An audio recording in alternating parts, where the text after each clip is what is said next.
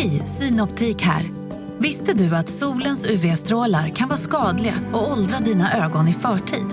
Kom in till oss så hjälper vi dig att hitta rätt solglasögon som skyddar dina ögon. Välkommen till Synoptik. CSRD, ännu en förkortning som väcker känslor hos företagare.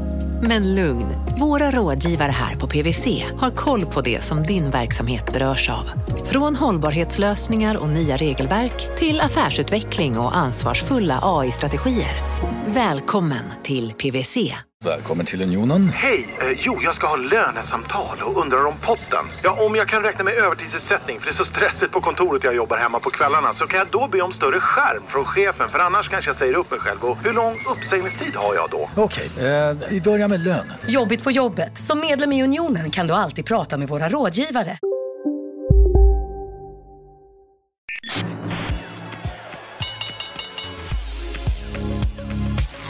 Här är Affärsvärlden Magasin med Helene Rådstein. Hej och hjärtligt välkomna till podden Affärsvärlden Magasin. Jag heter Helene Rådstein och jag är reporter på Affärsvärlden. I det här avsnittet så ska vi prata med Harald Mix. Han är ordförande, grundare och partner i private equity-bolaget Altor eller som det officiellt heter Altor Equity Partners som faktiskt grundades av fyra personer. Och eh, Numera är det Harald Mix som är den mest kända personen och eh, den grundare som är kvar i Altor. Och vi klipper in här när vi sitter i ett konferensrum på Jakobsgatan i centrala Stockholm. Avkastningen tycker jag är intressantare. Det är den som investerarna mäter oss på. Ja, vi, nu, nu, nu kör jag igång här lite. Jag tror du lite. hade gjort det med.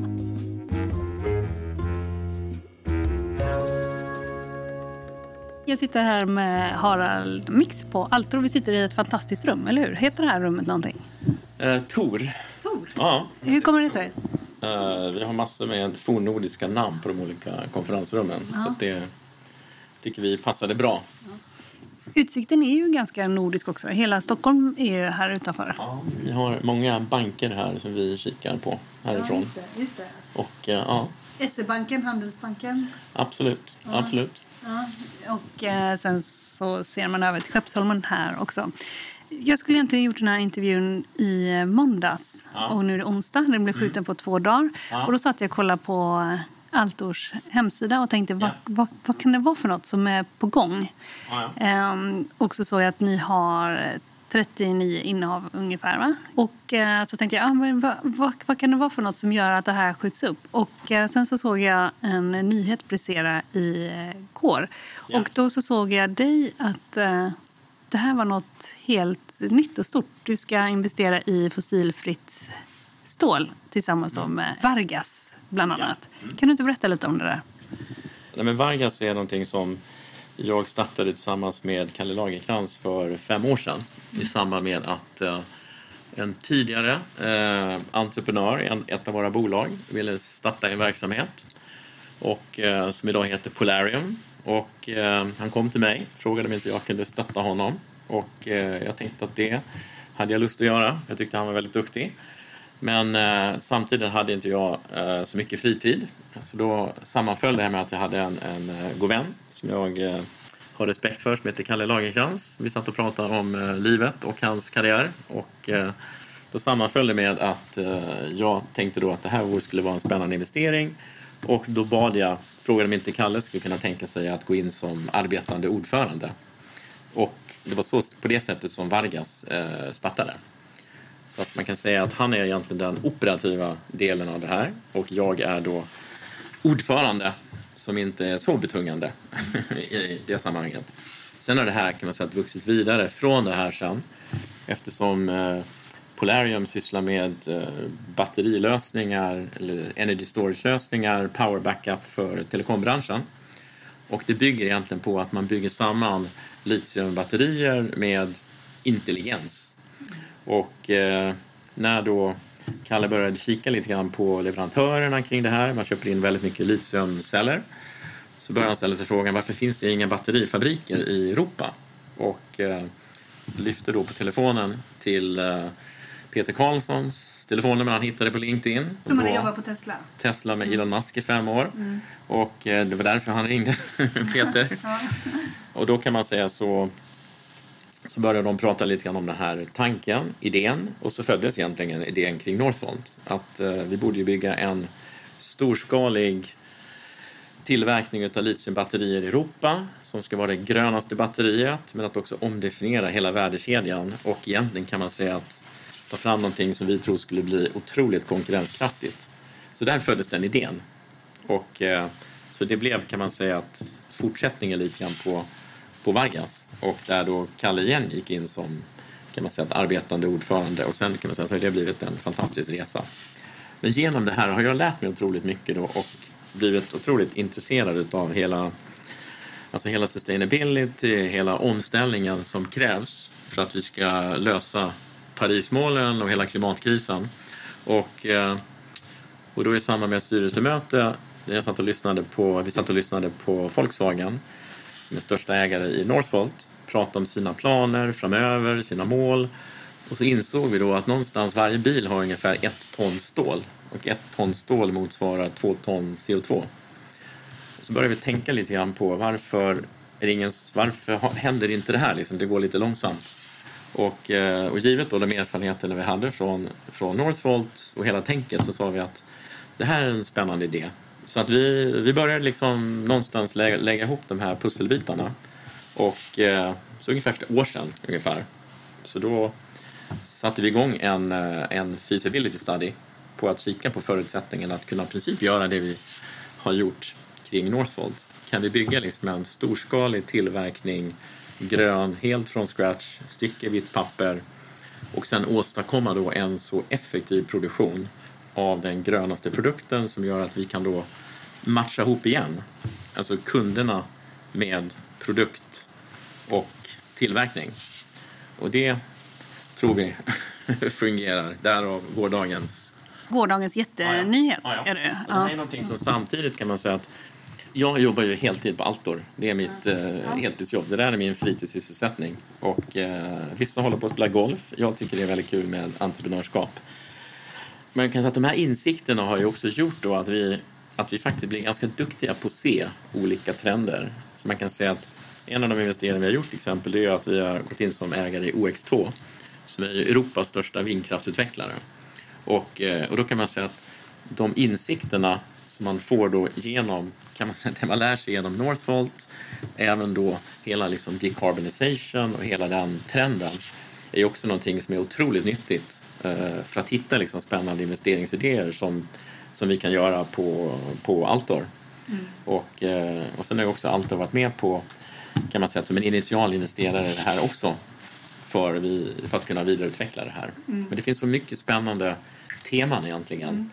Och där man kan säga att det jag då lär mig på fritiden så har vi möjligheten sen att kunna utnyttja för jättespännande investeringar. 25 miljarder i riskkapital. Hur långt har ni kommit? Det finns ju två delar i det här. Dels är det själva projektfinansieringen som bygger ju mycket på alltså kommersiella banker, det bygger, mycket på olika typer av liksom kreditgarantier, projektfinansiering, grön finansiering. Så att i princip, det har vi ju, det är lite copy-paste egentligen på det vi gjorde kring Northvolt. Så det vet vi ju väldigt väl hur den fungerar och där jobbar ju då Société Générale, är liksom leder den eh, delen. Och sen vad gäller eh, eget kapitaldelen så kan man säga att kan man säga att vi har inte heller gått ut brett på något sätt. Men de facto har vi ju precis nyligen kan man säga att eh, tagit in ungefär 600 miljoner euro plus 750, alltså 1,4 miljarder euro till Northvolt. Och så även där kan man säga att så har vi ganska god bild av vilka som vill vara med och eh, göra den här typen av investering. I Northvolts fall så gjorde man ju så här att först så fixar man kunderna och sen ska produkten Ja, ja. komma. Är, det- är det samma läge nu? Ja, vi är väldigt, eh, vi är väldigt simplistiska. Vi tror på att finna kunderna och sen definiera egentligen vad, definiera egentligen produkterna som, ska, som vi ska tillverka. Och sen det viktiga sen det är ju att se att, men håller kalkylen egentligen? Är den tillräckligt bra? Kan vi bli tillräckligt effektiva för att kunna möta egentligen kundernas intresse vad gäller liksom produkt, kvalitet och pris? Och, eh, och det känner vi oss väldigt trygga med att vi, att vi kan göra. Genom att vi tar ett stycke vitt papper och någonstans har möjligheten att slippa vara belastad utav eh, kanske hundra års historia. Du lyssnar på Affärsvärlden Magasin med Helene Rådstein. Marknaden sponsras av SPP, pensionsbolaget. Eh, förra gången pratade vi lite om ITP. Och som en kort repetition så, så var det ju 70-tal, arbetsmarknadens parter bestämde att alla tjänstemän ska ha en tjänstepension. Man kom överens om vilka villkor som ska gälla i den här pensionen och så kallade man den för ITP. Så jobbar man idag som tjänsteman i ett företag med kollektivavtal, då har man förmodligen den här pensionen, ITP-pensionen. Eh, och det är ju så att man kan påverka eh, den här pensionen, hur den är placerad. Vart femte år så gör nämligen Collectum, som de heter, en enorm upphandling där olika pensionsbolag kan ansöka om att få förvalta eh, de här pensionerna. Och SPP är ett av bolagen som valdes ut i den senaste upphandlingen. Och sen kan du som pensionssparare välja vilket av de här olika pensionsbolagen som, som då ska få ta hand om dina pengar.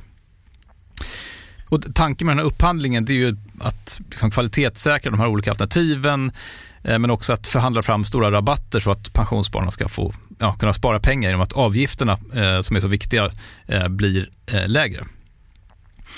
Och vill man välja någonting i ITP-systemet då finns det en relativt ny sajt som heter avtalat.se. Ehm, där kan man gå in och se hur sin ITP-pension är placerad. Jag gjorde det häromdagen faktiskt. Ehm, idén är att hälften av pengarna alltid ligger i något som kallas för traditionell försäkring. Det här gjorde vi ett avsnitt om i podden Kapitalet nyligen eh, som vi kallade världens bästa sparform. kan man lyssna på om man är intresserad. Eh, den andra halvan eh, den kan man också lägga i en traditionell försäkring eller så kan man placera det i något som kallas för fondförsäkring. Eh, SPP som sagt eh, var ju ett av de fåtal bolagen som valdes ut i den senaste upphandlingen och de finns med som alternativ både med en traditionell försäkring och med eh, fonder. Så det var en liten bakgrund till ITP-systemet. Vill man läsa mer om det här eller typ kolla hur ITP-pensionen är placerad, eh, kanske göra förändringar, då går man in på avtalat.se. Eh, men tack säger jag till SPP som vill göra oss människor mer medvetna om hur enormt viktig pensionen är för oss som en framtida lön, men också som en positiv kraft i samhället eh, och förstås för att ni möjliggör eh, den här podden Marknaden. Du kommer från Borlänge. Ja, ja. Och när man svänger in från E16 så ser ja. man... Pyjamashuset. Ja, pyjamashuset kallas det. Ja. Har du följt Stål någonting sen du var liten? Det måste ha varit många så här föräldrar som jobbade på SSAB till exempel. Eller hur var det? Ja, min pappa var chef för Dobell-divisionen, plastbelagd plåt. Ja, var det? Ja, ja. Och, eh, och dessutom jobbar jag två somrar på SSAB. Så att eh, jag har, jag har en ganska god bild av vad som händer. Så du kan, i grunden kan du... Du Jag lite... kan inte säga att jag är en metallurg, Nej. men, men jag, jag har ju praktisk erfarenhet från golvet. Ja, det det. Sommarjobb. Ja. Och sen så lämnade du Borlänge, du flyttade sen till USA. Och sen så kom du tillbaka till Stockholm och så småningom så blev du tidig med att etablera eh, private equity. ja. Och eh, först var du på Industrikapital och eh, ett, två år senare så grundade du Altor med tre andra personer. Yes. Och utav dem så är du ensam kvar nu. Ehm, hur skulle du säga att uh, Altor har förändrats eh, genom åren? När jag tittar på eh, fonderna så verkar det Ja. som att vid fond tre och sen fyra så börjar det bli liksom lite spretigare kan man säga. Från att det var sådär medel, liksom medelstora svenska bolag så har det blivit lite ja, så spretigare. Håller du med om det? Nej, det, Nej. Det, det är väl svårt att hålla med om att spretigare. Nej, men däremot kan man säga så här att... Nej, jag tycker så här att vi har väl... Alltså, I grunden kan man säga att så har nog vi varit det man kan, kan, kanske kan kalla mer utav en value investor historiskt. Att vi har fokuserat på att göra bra bolag mycket bättre. Och eh, kanske inte varit inte alltid varit jättefokuserad på underliggande tillväxt. Och, eh, så det kan man väl säga att ganska många eh, investeringar utav, utav den typen. Eh, jag ska säga så här, vi har också kan man säga att kanske turn around lite grann. Ja. Att vi alltså kanske var ett ansetts vara lite modigare på att ta på oss eh, lite svårare investeringar eller såna här lite spännande saker som Carnegie mitt i finanskrisen. Och det är väl samma sak när vi köpte in oss i Ving nyligen, i, mitt i en, liksom en konkurs.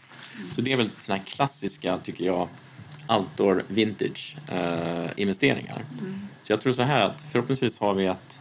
Jag tror så här, om man har någonting som är lite annorlunda, lite speciellt så tror jag att man gärna lyfter på telefonen och eh, frågar, eh, frågar om vi kan tänka oss att vara med på det här.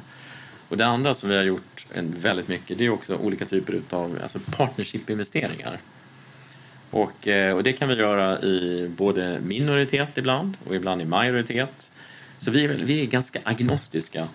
Alltså runt så att säga, har vi ett bra case så kan man säga att det är inte så himla viktigt om vi behöver äga 51 procent eller 73 procent utan är det ett riktigt, riktigt bra bolag och vi kan ha liksom en bra governance och se till liksom att vi får verkligen inflytande. Och det kan vara publik miljö eller privat miljö. Så gör vi det gärna. Istället för att vi sätter upp liksom en fem olika fonder. Nu ska vi ha liksom en tillväxtfond och sen så ska vi ha liksom en, förstår du, en private equity-fond och sen ska vi ha en public equity-fond. Så har vi ett väldigt flexibelt mandat där vi kan ha ett mycket mer långsiktigt perspektiv på våra investeringar och där vi kan också ha ett alltså, bredare möjlighet att kunna göra saker. Så att OX2 till exempel tillsammans med vindkraftutveckling tillsammans med Johan, eh, Johan Ihrefeldt och Thomas von Otter. Där har vi en minoritet. Men governance-mässigt så har vi liksom, vi har liksom väldigt bra inflytande. Så att eh, vi, vi är inte så... Vi tror att det är en fördel. För att ibland kan man säga att så kan du också, tror jag, få till liksom, du kan faktiskt bättre villkor om du inte kräver att nu ska jag köpa allting på en gång. Men det kan man väl säga börjar vi från tre... 2009 köpte ni Carnegie. Ja, ja, precis. Och det gjorde vi i fond 3. Och när vi satte upp fond 3 så kan man säga att det som är väldigt unikt med den fonden, det var att där har vi en evig investeringshorisont i princip. Alltså så länge vi kan man säga att realiserar åtminstone 25 procent av ett innehav i teorin så skulle vi kunna äga det i till tidernas, eh, ja, så länge som möjligt. Det är några innehav som är kvar där i fond 3. Och det är bland annat då Carneo som är fondbolaget som är kopplat till Carnegie Bank. Ja, ja. Så att säga. Eh, och eh, en sak här med Carneo. De har ju gått ut och så har de köpt massa aktiva fondbolag Ja, ja. i Norden. Senast var det något norskt. Eh, Holberg, Norge. Ja, den strategin. Vi ser samtidigt då KKR komma Ja, in och köpa sig på Söderberg Partner. Ja, ja. Eh, vad- vad- vad tror du om det framöver? Kommer vi... Jag, jag, tror att, jag tror du kommer se en, en, en uppdelning egentligen. Så att du kommer ha de som är alltså truly active, de som verkligen är aktiva på riktigt och är duktiga. De tror jag har liksom en positiv framtid. Så jag ska inte göra reklam här, men tar du Sea Worldwide till exempel som har varit verksamma i 30 år. Tittar du på deras avkastning över ett år, tre år, fem år, tio år eller 30 år så har de genererat ungefär 3 eh, netto alfa mot index över de perioderna. Jag tror att den typen av aktörer som verkligen har liksom en, förstår du, en high conviction som man säger. Vi äger 30 aktier, varken fler eller färre. Och, eh, och någonstans, ska vi köpa något nytt så säljer vi en. Och liksom den typen av långsiktig förvaltning tror jag väldigt mycket på. Bailey Gifford är ett annat exempel på det, som äger Tesla till exempel och varit väldigt, väldigt stora på det. Och sen å andra sidan så har du index. Och jag tror ju liksom att indexförvaltning kommer säkert att fortsätta växa. Men det man börjar se, tycker jag, nu tecken på, det är ju någonstans att det blir lite sjukt. För någonstans index är ju i princip att för att du ska vikta dem mot index, om någonting går upp så ska du köpa mer av det. Så någonstans i förlängningen så blir det ju någonstans, skapar det ju liksom en både volatilitet och det finns ju risken att det skapar enorma bubblor. Det finns lite tecken nu på lite studier på sista tiden som visar faktiskt att i en sån miljö där någonstans index med automatik köper det som blir dyrt.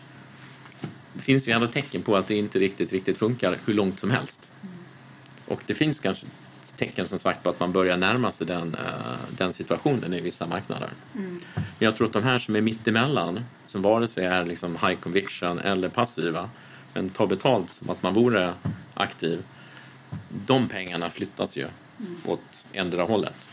Jag tror på en bra aktiv förvaltning. Jag tror inte på dålig aktiv förvaltning. Men är planen att gå ut och köpa ännu fler eh, bolag här framöver? Eller Ja, alltså, någonstans finns det ju också lite stordriftsfördelare här, både distributionsmässigt, backoffice-mässigt. Så det, att det, sker, det sker ju liksom en konsolidering inom, inom branschen.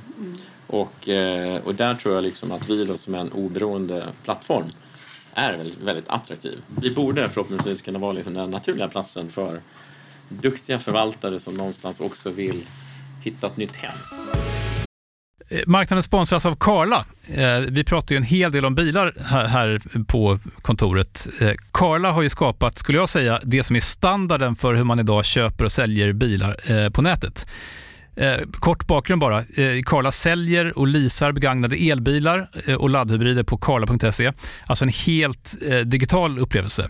Och man har gjort det här med ett nästan maniskt fokus på vad en bilköpare faktiskt behöver.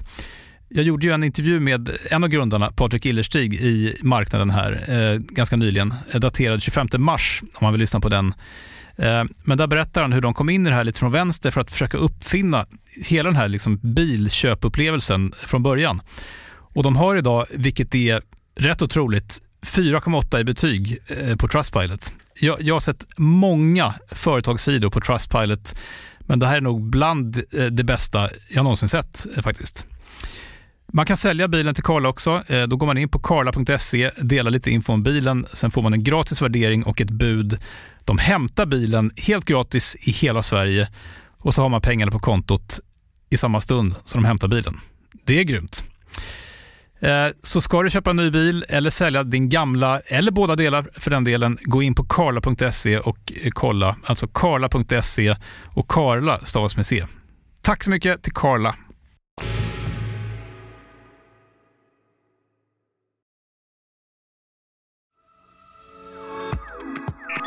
Du lyssnar på Affärsvärlden Magasin med Helene Rådstein. Skulle man kunna säga så här att EQT kan köpa bra bolag dyrt och eh, ni kan vara lite mer... Eh, det kan vara skönhetsfläckar och så hittar man... Ja. kan man säga det? På sätt och vis tror jag att EQT har kanske en, en, tydlig, nej, men tydligare kanske fokus på liksom tillväxt, kvalitet ja. och eh, stabilitet. Ja. Sustainability och samtidigt utveckla dem på ett bra sätt. Så de är kanske, jag ska inte säga good to great, men kanske great to even more great. Eller ja, good to great kanske. Och vi kanske generellt sett eh, har historiskt sett investerat liksom i bolag som, ja, men som kräver lite mer handpåläggning. Mm. Och eh, som kanske har levt liksom lite grann i skuggan av sina respektive hos sina ägare. Mm.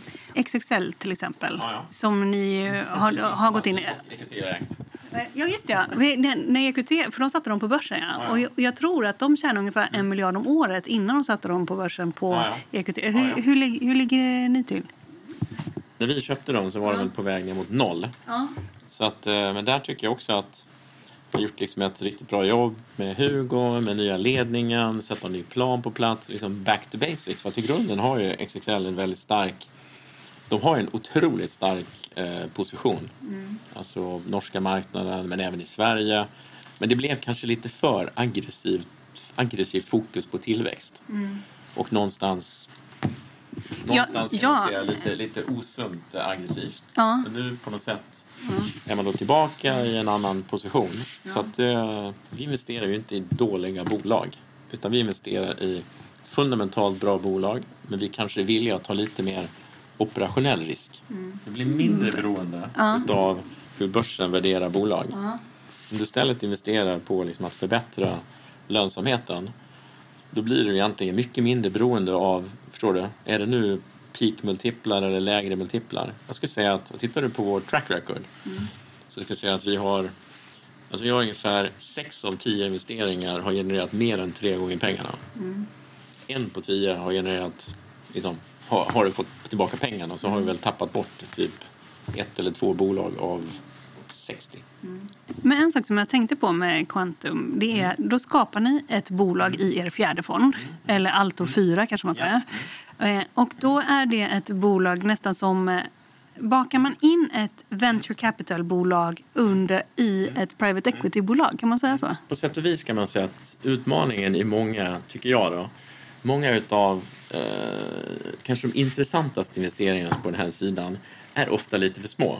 Mm. Och sen kan man säga att när de blir lite större så blir de väldigt, väldigt högt värderade. Mm. Så någonstans så ser vi också möjligheten att faktiskt kunna skapa liksom ett kluster. Mm. Men istället för att säga att nu ska vi starta en ny fond och så ska vi göra liksom en growth-fond med allt vad det innebär så s- känner vi att det är mycket bättre och att till exempel då Quantum som har liksom, bygger egentligen på liksom, alltså digitalisering av olika affärsprocesser där vi sen kan se både förstår du, tjänste serviceområden och vi ser även intressanta liksom, softwarelösningar. Men genom att också ha det här inom ramen för vår fond det är det ju väldigt många av våra bolag som dessutom vill dra nytta av de här tjänsterna. Så man kan säga så här att, att skapa den typen av vad ska jag kalla för umbrella eller liksom eh, portföljbolag men att ha liksom en extern professionell ledning på det. Det gör liksom att vi kan ju då faktiskt agera som en strategiskt intressant eh, köpare på det området. Lite grann samma sak har vi gjort med eh, vår eh, Nordic eh, Design Group. Eh, där vi egentligen ser samma sak. Att det finns väldigt många små, intressanta, spännande liksom, direct consumer-bolag. Men istället för att kanske köpa liksom en och en så ser vi att det finns otroligt mycket liksom kompetens man kan dela på om man samlar det här i en grupp. Och dessutom från ett investerarperspektiv så får man ju också en viss diversifiering på, på risk. Och det finns ju ett antal sådana exempel som har varit otroligt eh, framgångsrika. The Hut Group till exempel, listat i London. Har väl ett börsvärde idag på, jag vet inte vad det är, men det kan vara 10 miljarder pund eller något sånt där. Så att jag tror på den, liksom, den idén. Så att det är ett sätt att, tycker vi då, adressera den marknaden och samtidigt se till liksom, att ha tillräcklig liksom, managementkapacitet och kunna driva de bitarna. Och eh, första fonden är helt stängd. Och den gick jättebra vet jag. Ja, ja. Ja. Får man säga hur mycket? Det har väl gått väldigt bra. Men generellt sett kan man säga att över tiden har vi haft liksom en bra avkastning som vi är nöjda med. Sen kan man säga att det beror väldigt mycket på private equity är känsligt för när, alltså vilken period investerar du? Så jag skulle säga att Fond 1 som startades 2003, det var precis efter liksom, krisen, September 11. Generellt sett, det är alltid en bra tidpunkt att investera när bolagen tjänar lite pengar och värderingarna är låga. Det som är svårt samtidigt är att få vill sälja. Sen kan man säga att fond 2 som är 2006, det var då strax alltså i hela kan man säga, att uppgången till den stora finanskrisen. Det generellt är en väldigt dålig tidpunkt att investera. Höga vinster, höga multiplar och sen finanskris. Det är väldigt dåligt. Men där har vi ändå lyckats få ihop liksom tvåsiffrig avkastning netto. Så det får man vara ganska nöjd med ändå. Och sen fond 3, så kan man säga att efter finanskrisen kommer bli säkert, tror jag, kanske vår bästa fond. Eh, fond 4 känns helt okej. Okay. vi var lite sena i starten i investeringstakt. Men också på grund av att vi, jag tycker vi har varit disciplinerade vad gäller att faktiskt investera pengar. Och just nu kan man säga att det är väl en, en situation där jag tror vi aldrig sett så höga värderingar som vi gör nu. Generellt sett om man skulle ta med, skulle jag dra mina lärdomar av historien så kommer avkastningen att bli mycket sämre framöver. Varför tror du det? För att på grund av att höga multiplar på väldigt höga vinster, det är väldigt sällan det kan gå åt andra hållet. Det kanske kan bli ännu högre. Men någonstans upplever jag att just nu så är vi ju ekonomin och värderingar är ju dopade generellt utav nollräntor. Vad får det för konsekvenser med era investeringsmandat? Nej, men vi, vi, vi, tänker, vi försöker liksom att vara försiktiga, fokusera på underliggande värden. Och någonstans kan man säga att försöker, ja, tycker vi då, navigera försiktigt. Och för att hitta då de här möjligheterna. Så tar till exempel Ving, kan man säga att sen blev då Ving mer spännande än vad vi hade trott. Men i grunden kan man säga att fantastiskt fint bolag. Men då på grund av att moderbolaget gick i konkurs så kunde vi liksom göra en extremt, tycker vi då, attraktiv investering. Hade vi i och för sig inte med corona i bilden. Men i förlängningen, och jag tror ju att resebranschen kommer ju att studsa tillbaks när, när väl det här, och om det blir över, för hoppas, då kommer ju den branschen tror jag att studsa tillbaks väldigt snabbt. Och då är det ju ett fantastiskt fint bolag i grunden. Så, att, eh, så vi försöker hitta liksom bra bolag med kanske lite special situations. Gunnebo, ett sånt där bolag, oälskat, ut, ja. oälskat eh, bolag på börsen.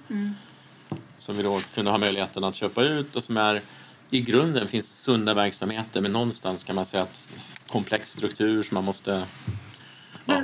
Och de var skuldsatta också ganska mycket. Du? Gunnebo var skuldsatt också. Ja, alltså, ja skapligt mycket. Ja, Det behöver inte vara något problem egentligen. Men även om man köper bolag billigt, du köper det ur konkursbo. Billigt, ja, ja. Nej, nej, prisvärt. Eller, Ja, eller eller, ja. ja, eller, situationen var sån att man...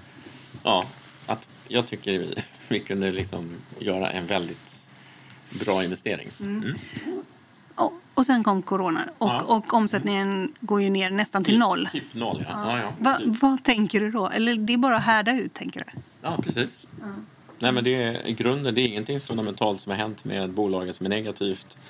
Alltså kon- fantastiskt stark liksom, konkurrensposition. Naturligtvis jobbat med att liksom ytterligare sänka kostnader och anpassa och se till liksom att eh, liksom maximera kassaflöden eller snarare minimera eh, hur mycket pengar man behöver stoppa in för att supporta det. Men i grunden så är det ju övervintring. Och sen att komma ut på andra sidan ännu vassare. Varje år så ger vi, så säger vi till våra investerare vad vi tror vi ska tjäna på varje investering i framtiden.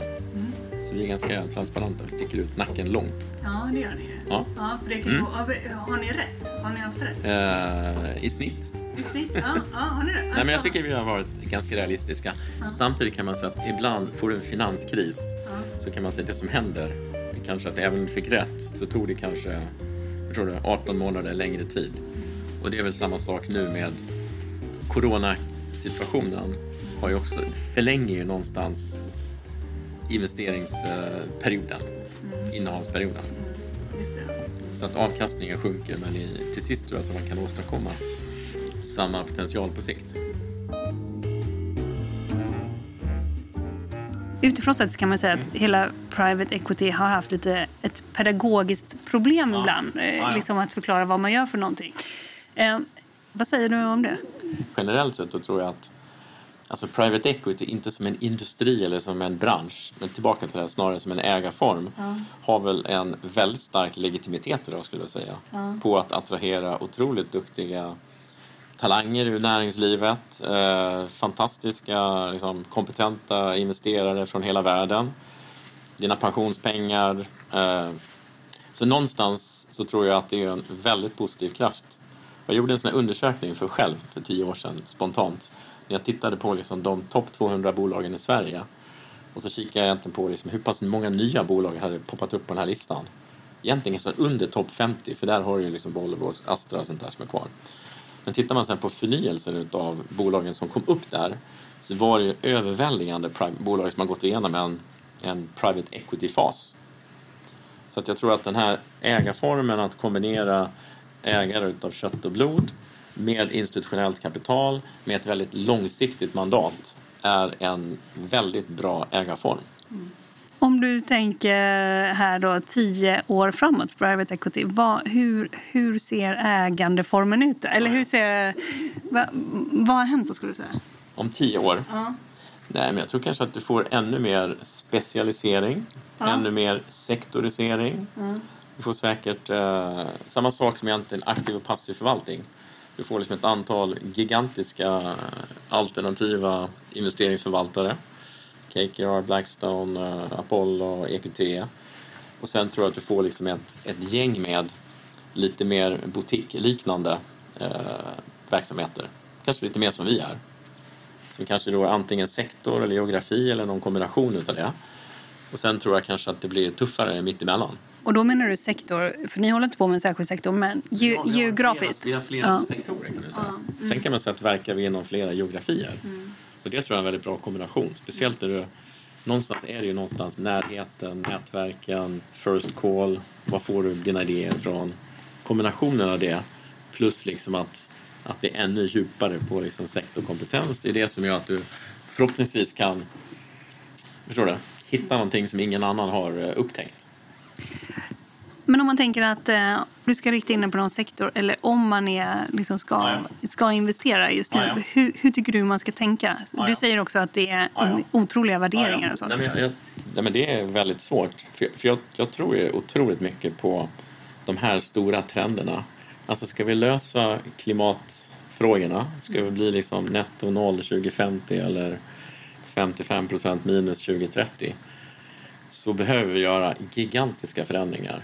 Och de där förändringarna kommer leda till gigantiska möjligheter. Men just nu kan man säga att så kanske vi har ett läge där det är lite svårt. För att idag har du en extremt hög förväntansvärdering på många av de här bolagen. Så att, eh, men jag, skulle, jag skulle tänka på de här liksom makrotrenderna.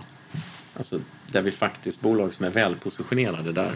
Och jag skulle hålla mig borta från sånt som sitter på den andra sidan det staketet. Som sitter med då potentiella stranded assets. Ja, så, som inte hänger med? Så här. Ja, eller som kanske någonstans... Nej, men det är lite grann som, det är intressant i USA. Det. Idag tror jag att eh, jag tror USAs största bolag inom energisektorn är ett renewables-bolag.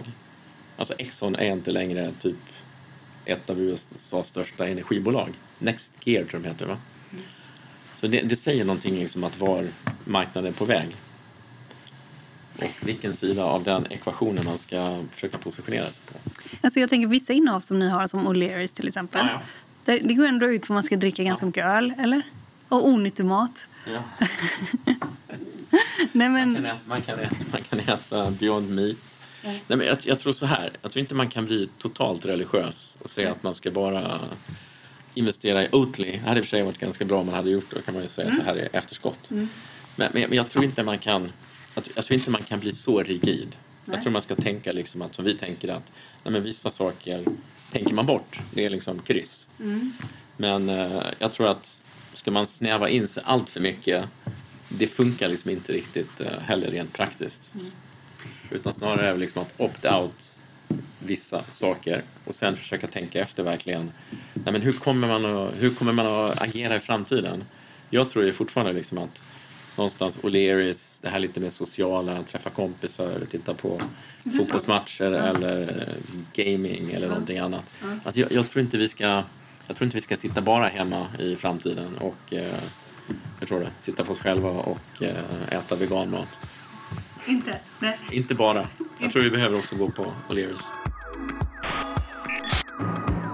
Har lyssnat på podden Affärsvärlden Magasin med mig, Helene Rothstein som i det här avsnittet har träffat Harald Mix. Det här är delar av en mycket lång intervju som vi har i tidningen Affärsvärlden och på affärsvärlden.se. I den intervjun så fördjupar vi oss även närmare i Altors investeringar och hur de har förändrats över tid och hur han ser på många fler investeringar än de vi pratar om nu. Vi eh, diskuterar också en handfull bolag där det inte har gått så bra. Altor var till exempel storägare i Ove Bunke som man satte på Köpenhamnsbörsen och som drygt ett halvår senare gick i konkurs. Och den här händelsen har fått eh, beteckningen, ja, den kallas den största börsskandalen i Danmarks historia. Den har fått rättsliga efterföljder och sådär. Och de är långt ifrån slut och mer om dessa är det på affärsvärlden.se eller i tidningen Affärsvärlden. För det finns mycket som vi inte har med i den här podden som du hittar på affärsvärlden.se. Den här podden är tillbaka nästa eller näst, nästa vecka. Håll ut!